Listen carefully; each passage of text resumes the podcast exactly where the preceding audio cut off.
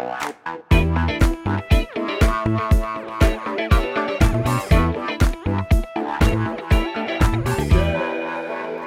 មជម្រាបសួរទៅកាន់ទស្សនិកជនទាំងអស់និងសូមស្វាគមន៍មកកាន់កម្មវិធីពិព័រណ៍មុខជំនាញនិងអាជីពការងារឆ្នាំ2020ដែលរៀបចំដោយសមាគមអតីតនិស្សិតអាហារូបករណ៍ Fulbright និងអាហារូបករណ៍សហរដ្ឋអាមេរិកដែលហៅកាត់ថា FUSAC ហើយមានការឧបត្ថម្ភពីក្រុមហ៊ុន Smart Asata ដោយមានការរីក រាលដាលនៃជំងឺ Covid-19 FUSAC បានដំណើរការកម្មវិធីពិព័រណ៍មុខជំនាញនិងអាជីព2020តាមរយៈវេទិកា Digital ជំនួសវិញដោយផ្ដល់ព័ត៌មានទូលំទូលាយដល់ទស្សនិកជនទូទាំងប្រទេសនៅក្នុងថ្ងៃនេះយើងមានវាគ្មិនមួយរូបដែលគាត់ជាអតីតនិស្សិតដែលបានបញ្ចប់ការសិក្សាថ្នាក់បញ្ញាបត្រជំនាញវិទ្យាសាស្ត្រនយោបាយនិងទំនាក់ទំនងអន្តរជាតិមកពីសាកលវិទ្យាល័យ Queensland នៅប្រទេសអូស្ត្រាលីព្រមទាំងបញ្ចប់ការសិក្សាថ្នាក់អនុបណ្ឌិតផ្នែកច្បាប់អន្តរជាតិនៅសាកលវិទ្យាល័យ Glasgow នៅប្រទេស Scotland ចក្រភពអង់គ្លេស។បច្ចុប្បន្ននេះគាត់កំពុងបម្រើការងារនៅក្រសួងការបរទេសនិងសហប្រតិបត្តិការអន្តរជាតិនៅអគ្គនាយកដ្ឋានអាស៊ានក៏ដូចជាគ្រូបង្រៀននៅសាកលវិទ្យាល័យកម្ពុជាផ្នែក Public International Law and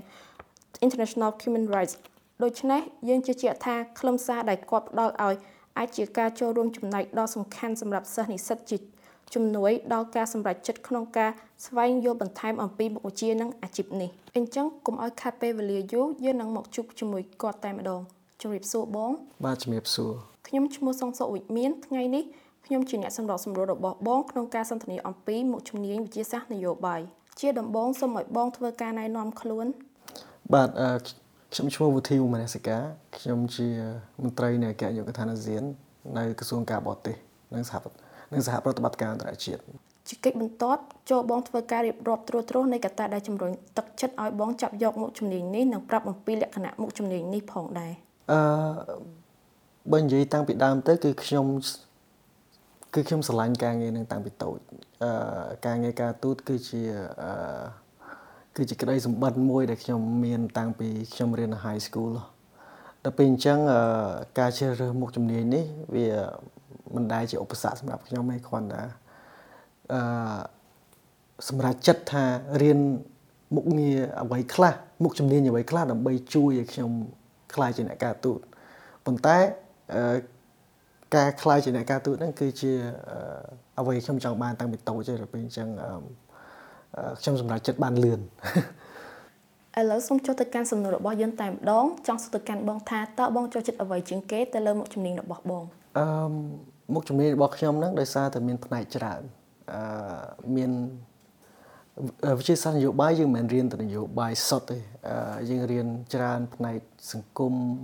តកតងពីសេដ្ឋកិច្ចខ្លះតកតងពីប្រវត្តិសាស្ត្រផងដល់ពេលអញ្ចឹងអ្វីដែលគេហៅថាវិទ្យាសាស្ត្រនយោបាយហ្នឹងគឺវាអាចនិយាយថាបានថាធំទូលាយ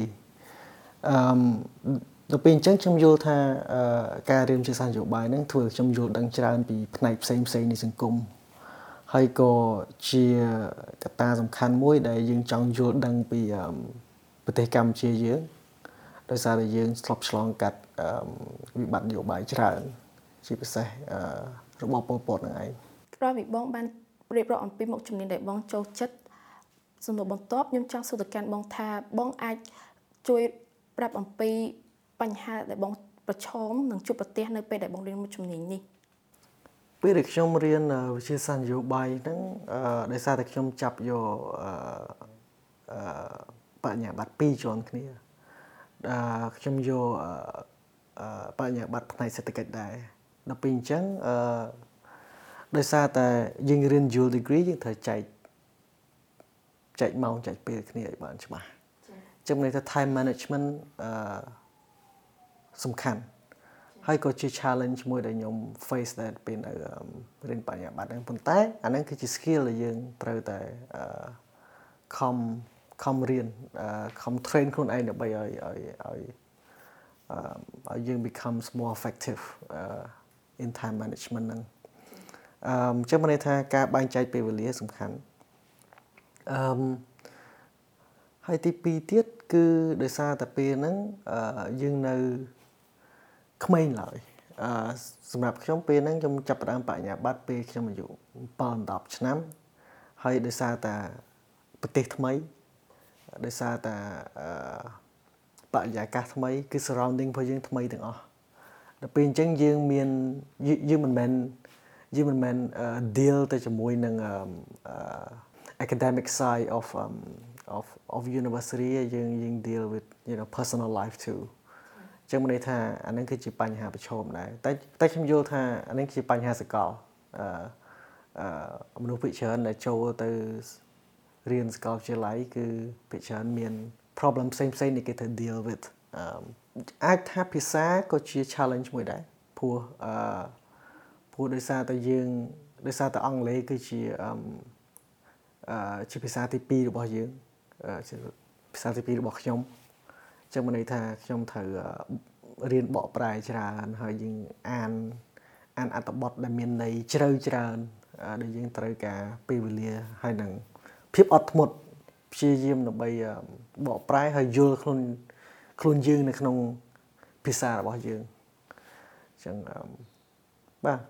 នេះគឺជាបញ្ហាដែលខ្ញុំជួបប្រទះផ្ទាល់ខ្លួនពេលរៀនវិទ្យាសាស្ត្រនយោបាយនេះចាជាមួយគ្នានេះដែរតើមុខវិជ្ជា វិទ្យាសាស្ត្រនយោបាយនិងទំនាក់ទំនងអន្តរជាតិមានភាពស្រដៀងគ្នានិងលក្ខណៈខុសគ្នាដូចម្តេចខ្លះអឺមនុស្សភាគច្រើនយល់ថាអឺ international relations អឺដូចជាវិទ្យាសាស្ត្រនយោបាយតែតាមពិតទៅអត់ត្រូវទេព្រោះ international relations អឺគឺផ្ដោតសំខាន់ទៅលើទំនាក់ទំនងអន្តរជាតិហើយយើងត្រូវយល់ថាទំនាក់ទំនងអន្តរជាតិមិនមែនបានន័យថាមានតែផ្នែកនយោបាយទេព្រោះ ទំនាក់ទំនងអន្តរជាតិផ្អែកលើកត្តាច្រើនដូចជាសង្គមដូចជាសេដ្ឋកិច្ចដូចជាវប្បធម៌អញ្ចឹងបានន័យថាពេលដែលយើងរៀន international relation បើតាមខ្ញុំយល់គឺជា an extension of វិទ្យាសាស្ត្រនយោបាយអឺព្រោះវិទ្យាសាស្ត្រនយោបាយភាគច្រើនផ្ដោតច្រើនទៅ ក្នុងបរិបទសង្គមនៅក្នុងប្រទេសមួយឬក៏តាមតំបន់មួយមួយ តែ international relation គឺយើងរៀនពី strategies ពីពី methods ដែលយើង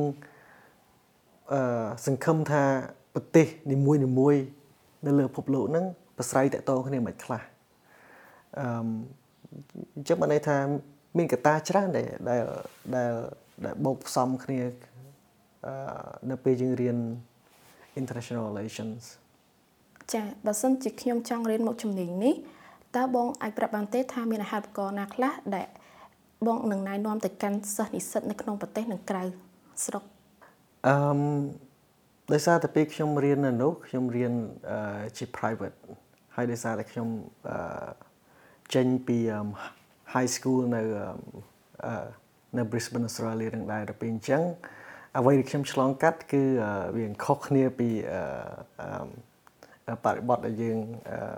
នៅសប្តាហ៍សម្រាប់សិស្សសាស្ត្រដែលនៅខ្មែរចង់ទៅរៀននៅអូស្ត្រាលីប៉ុន្តែអ្វីដែលខ្ញុំដឹងគឺនៅអូស្ត្រាលីគឺគេមាន Australia Awards Australia Awards program ហ្នឹងគឺភាគច្រើនផ្សព្វផ្សាយដោយទូតអូស្ត្រាលីនៅកម្ពុជា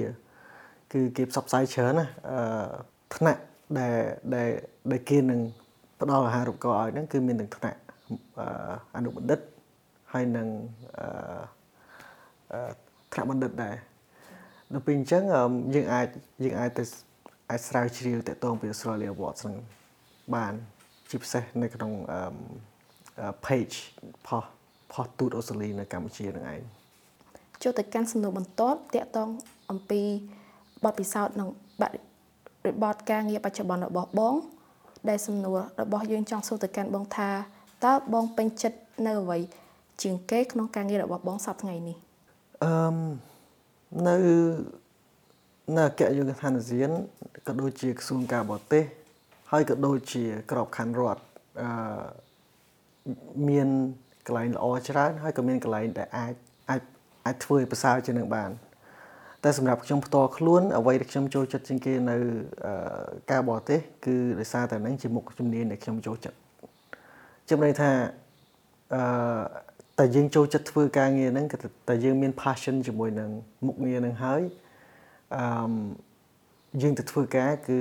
គឺយើងអត់សូវមានសម្ពាធខ្លាំងដូចពេលដែលយើងស្អប់ការងារហ្នឹងឯងចឹងមិនគេនិយាយថា um if if you love what you do you will never have to work a day in your life ចឹងមានន័យថាអឺបើយើងស្រឡាញ់ការងារហ្នឹងហើយគឺយើងមិនមែនយល់ថាហ្នឹងជាការងារដែលយើង នឹងធុញទ្រាំនឹងស្អប់ទេគឺគឺអាហ្នឹងគឺជា passion របស់យើងចឹងមានន័យថាកន្លែងហ្នឹង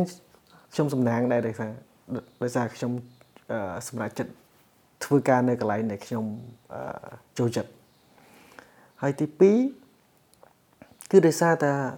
នៅអគ្គយុគឋានអាស៊ាន គឺមានមានការងារច្រើនរវល់ច្រើនកិច្ចប្រជុំច្រើនអញ្ចឹងបានន័យថាអឺដោយសារតែយើងរវល់រហូតយើង feel like um យើង contribute ច្រើនទៅក្នុងការងារនោះទៅក្នុងការងារការទូតហើយក៏ដូចជាអឺយើងធ្វើការងារដែលសង្ឃឹមថានឹងចូលរួមចំណែកអឺដល់ផលប្រយោជន៍ប្រទេសអញ្ចឹងមកន័យថាយើងមិនយើងមិនមែនយល់ថាយើងធ្វើការងារតូចមួយយើងធ្វើការងារមួយដែលមាន មាន purpose ធំជាងអ្វីដែលយើងអាចបំពេញទុកអឺហើយទី3គឺដោយសារតែក្នុងអគ្គយុគឋានអាស៊ាន គឺមានអឺសហការីច្រើន ដែលមានអាយុប្រហែលប្រហែលគ្នាដល់ពេលអញ្ចឹងយើងយើងយល់គ្នាបានច្រើនហើយ relationship របស់យើងក៏មិនមែនតែ strictly professional ដែរដោយសារតែយើង រាប់អានគ្នាដូចជាមិត្តភ័ក្តិអញ្ចឹងដល់ពេលអញ្ចឹងយើងធ្វើការមួយមិត្តភ័ក្តិពេលខ្លះអាចសប្បាយជាងធ្វើការជាមួយនឹងអ្នកដែលយើងគិតថាអូ strictly colleagues ឬក៏ yeah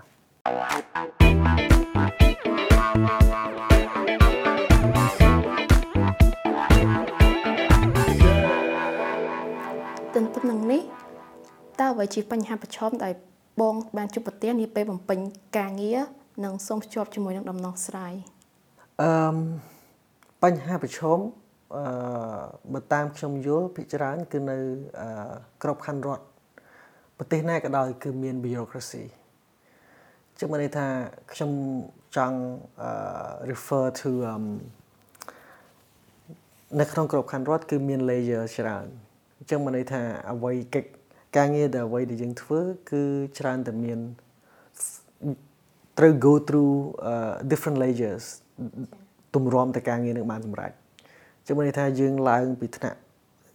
desk officer ហ្នឹងយើងធ្វើការងារនឹងមួយយើងទៅឆ្លងប្រហែលជាចង់10នាក់20នាក់20នាក់ច្រើនពេកថានិយាយថា10ចុះប៉ុន្តែស្ថាប័នខុសគ្នាស្ថាប័នខ្លះអាចតិចជាងហ្នឹងស្ថាប័នខ្លះអាចច្រើនជាងហ្នឹងប៉ុន្តែគឺ layers ហ្នឹងហើយដែលពេលខ្លះត្រូវការពេលវេលាច្រើន ត្រូវការការអត់ធ្មត់ច្រើនអឺទម្រាំតែការងារនឹងបានសម្រេចគឺយើងត្រូវការពេលច្រើនជាងទៅហើយអាហ្នឹងគឺជាគឺជាបញ្ហាប្រឈមមួយដែរព្រោះពេលខ្លះការងារខ្លះយើងត្រូវការពេលភ្លាមភ្លាមយើងមិនអាចយើងមិនអាចចាំរាប់អាទិត្យបានទេសូអាហ្នឹងអឺប៉ុន្តែ bureaucracy ហ្នឹងគឺជាបញ្ហាសកលគឺមិនមែនតែជាបញ្ហាសម្រាប់ប្រទេសកម្ពុជាទេអឺតែក្របខ័ណ្ឌរដ្ឋគឺដឹងតែមានអឺអឺ bureaucracy ហើយអឺទី2គឺតកតងនឹងការវឹកហាត់បំពន់បន្ថែមនៅក្របខ័ណ្ឌរដ្ឋភិកច្រើនគឺគាត់អឺ neglect កន្លែងហ្នឹងគាត់ neglect ទៅថាគាត់អត់បានអឺវឹកហាត់បន្ថែមបំពន់បន្ថែមដល់មន្ត្រីដែលបម្រើការងាររដ្ឋហ្នឹងនៅស្ថាប័នគាត់ចឹងមានន័យថាអឺពេលខ្លះយើងមិនអាចយើងមិនអាចអឺ ពឹងផ្អែកទាំងស្រុងទៅលើទៅលើអាសញ្ញាបត្រដែលយើងបានមកពី University ដែលយើងបានមកពី High School ហ្នឹងយើងយើងសង្ឃឹមថាសញ្ញាបត្រហ្នឹងនឹងជួយយើងធ្វើការងារអ្វីមួយមិនមែនទេយើងចូលទៅក្នុងក្របខ័ណ្ឌផ្សេងផ្សេងគឺត្រូវការជំនាញផ្សេងផ្សេងដែលយើងគិតថាយើងមិនដែលទាំងយល់ផងនៅក្នុងពេលយើងរៀន University ជំនឿថាមានមាន មាន skill មាន knowledge ច្រើនហើយជាពិសេសនៅក្នុងបរិបទសង្គមឥឡូវហ្នឹងគឺគឺអ្វីៗផ្លាស់ប្ដូរទៅលឿនណាស់អញ្ចឹងមកន័យថាបើយើងមិនខំរៀន skill ឬ knowledge ផ្សេងផ្សេងហើយអឺដើម្បីបំពន់បន្ថែមទេគឺយើងនឹងខ្លាយជាមនុស្សមួយដែល slow ជាងគេចឹងមានន័យថាអ្វីខ្ញុំចង់និយាយគឺបញ្ហាប្រឈមដោយសារតែក្របខ័ណ្ឌរដ្ឋខ្លះគាត់បាន focus កន្លែងហ្នឹងអឺសម្រាប់វិស័យការបរទេសអឺគឺរយៈពេលប្រហែលជា3ឆ្នាំចុងក្រោយហ្នឹងគឺឥឡូវយើងកំពុងតែ reform មកកន្លែងហ្នឹងគឺរីសារតែយើងមានវិជាស្ថានការទូតនៅក្នុងក្របខ័ណ្ឌក្រសួងការបរទេសអញ្ចឹងមានន័យថាឥឡូវមន្ត្រីចាប់ផ្ដើមរៀនសូត្របន្ថែមអឺតកតងនឹងវិស័យការទូតហ្នឹង តាមវិជាស្ថានដែលយើងទៅបង្កើតប្រហែលជា3ឆ្នាំមុនហ្នឹង3 4ឆ្នាំមុនអឺខ្ញុំមានន័យថាទោះបីជាយើងរៀនមុខវិជ្ជាអីក៏ដោយបើយើងចូលមកនៅក្នុងវិស័យមួយបើយើងអត់អត់ប្រឹងរៀនបន្ថែមតាក់ទងពីវិស័យដែលយើងកំពុងបម្រើការនឹងទេអានឹងគឺជាបញ្ហាមួយធំតែសង្ឃឹមថាថ្ងៃមុខទៅស្ថាប័នរដ្ឋយើងភិជាច្រើនទៀតនឹងនឹងខំវឹកហាត់ បំពន់មន្ត្រីខ្លួនឲ្យឲ្យកាន់តែមានសមត្ថភាពអឺសំទៅតាមការងារដែលដែលបំពេញធ្វើរាល់ថ្ងៃហ្នឹង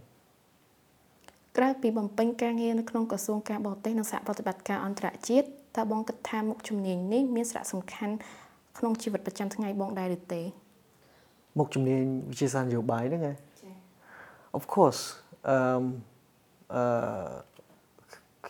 ខ្ញុំតែនិយាយហើយនិយាយទៀតអឺអឺចំណេះដឹងនិងមុខជំនាញទៅដល់ណាគឺគេ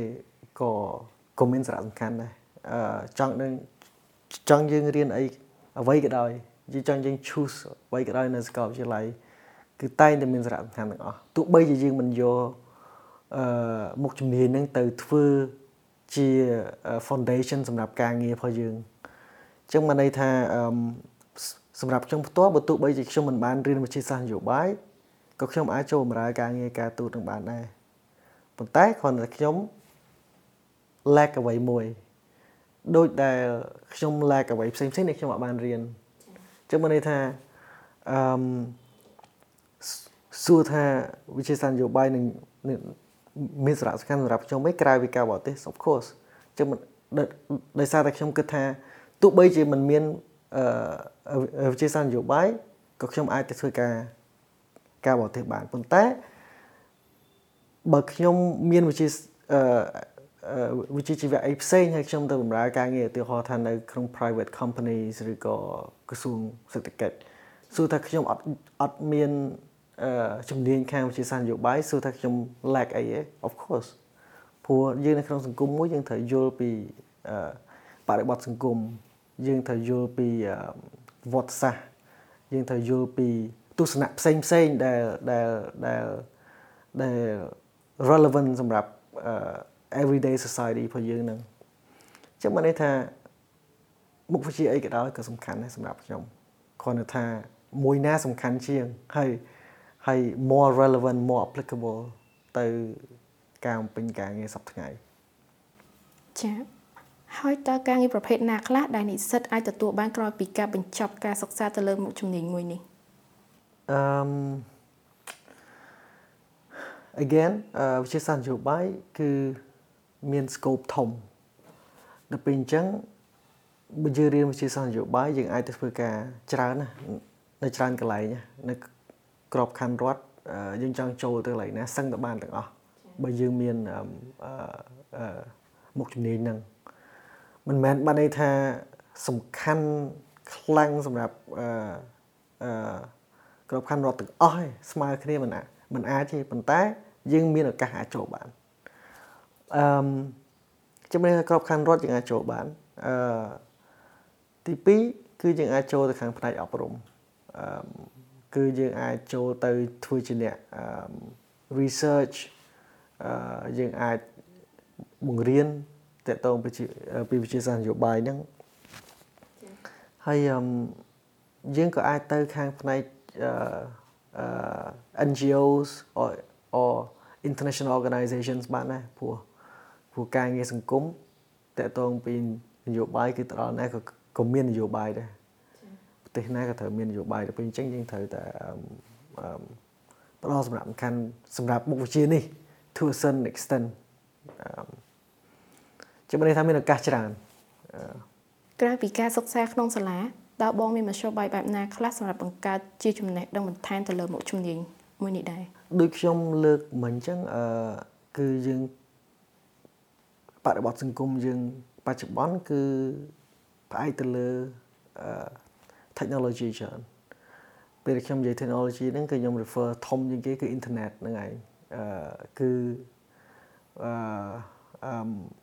គឺជាសម័យកាលមួយដែលយើងរៀនសូត្រតាមអ៊ីនធឺណិតបានច្រើនបំផុតលើកមុនយើងយើងចង់បានសភៅមួយយើងចង់បាន article មួយយើងត្រូវជិះពីណាពីណីទៅទៅបណ្ណាល័យឬក៏យើងត្រូវ request គេយើងត្រូវអីតែឥឡូវអត់ទេឥឡូវ information is at our fingertips មិនចឹងបានន័យថាយើងម្នាក់ម្នាក់មាន smartphone សឹងទៅទាំងអស់គ្នាអឺ លើកលែងតែគាត់ចាស់ចាស់ឬក៏គាត់នៅតាមលក្ខណៈជនបទអីចឹងអាហ្នឹងរឿងផ្សេងមួយទៀតតែសម្រាប់យើងក្មេងៗជាពិសេសក្មេងៗចំនួនក្រោយហ្នឹងគឺត្រូវ take advantage អឺបានច្រើនពីអ៊ីនធឺណិតហ្នឹងចឹងមានន័យថាយើង skill យើងរៀនតាមអ៊ីនធឺណិតបាន right YouTube teaching ច្រើនបានច្រើនមែនតើយើងអត់ចេះយើងអត់ចេះអឺគូ you just go on YouTube and say how to draw right how to paint how to golf ជម្រាបថាយើងរៀនបានច្រើនជំនាញហើយនេះមិនមែនមិនមែនតែ hobby ទេប៉ុន្តែយើងក៏ refer ទៅ sport យើង refer to um, skill ផ្សេងផ្សេង soft skills ដែលដែលដែលមិនមែនជាលក្ខណៈ formal education ទេតែទៅមនុស្សសំបីតែលក្ខណៈជា formal education ហ្នឹងក៏មានដែរមិនមែនអត់ទេ ដូចខ្ញុំអាចទៅលើអ៊ីនធឺណិតខ្ញុំអាចរៀនពី introduction to psychology ខ្ញុំអាចមានអត្ថបទ20 30អត្ថបទដែលខ្ញុំអានអស់ហើយ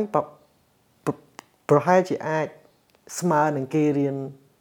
មួយឆ្នាំពីរឆ្នាំនៃ psychology នៅ university ខ្ញុំន័យថាអឺនេះសិតតែជាជាឱកាស